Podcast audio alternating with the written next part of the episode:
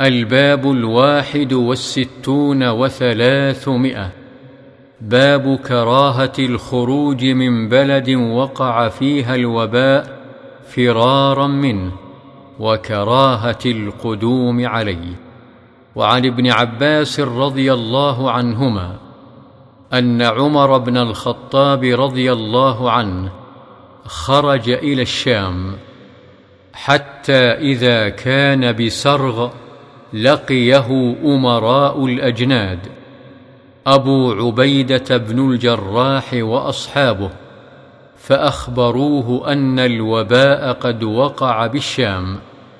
قال ابن عباس فقال عمر أدع للمهاجرين الأولين. فدعوتهم فاستشارهم وأخبرهم أن الوباء قد وقع بالشام. فاختلفوا فقال بعضهم خرجت لأمر ولا نرى أن ترجع عنه.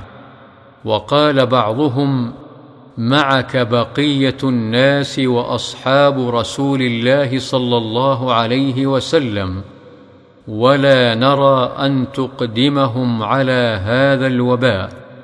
فقال ارتفعوا عني.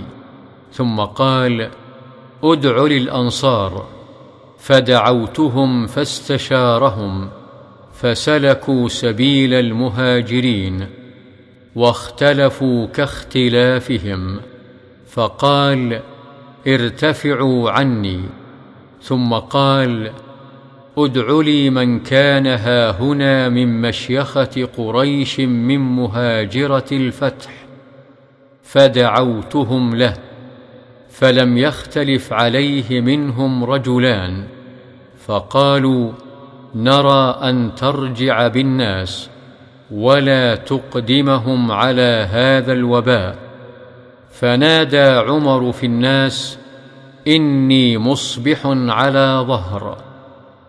فأصبحوا عليه فقال أبو عبيدة بن الجراح أفرارا من قدر الله؟ فقال عمر لو غيرك قالها يا أبا عبيدة. وكان عمر يكره خلافه. نعم نفر من قدر الله إلى قدر الله. أرأيت لو كانت لك إبل فهبطت واديا له عدوتان. إحداهما خصبة والأخرى جدبة. أليس إن رعيت الخصبة رعيتها بقدر الله؟ وإن رعيت الجدبة رعيتها بقدر الله؟ قال فجاء عبد الرحمن بن عوف وكان متغيبا في بعض حاجته فقال إن عندي من هذا علما.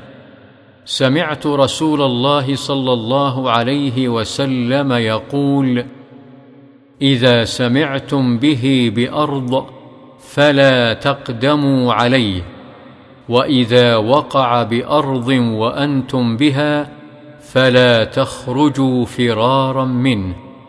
فحمد الله عمر بن الخطاب وانصرف. متفق عليه. والعدوة جانب الوادي. وعن أسامة بن زيد رضي الله عنه عن النبي صلى الله عليه وسلم قال إذا سمعتم الطاعون بأرض فلا تدخلوها وإذا وقع بأرض وأنتم فيها فلا تخرجوا منها. متفق عليه.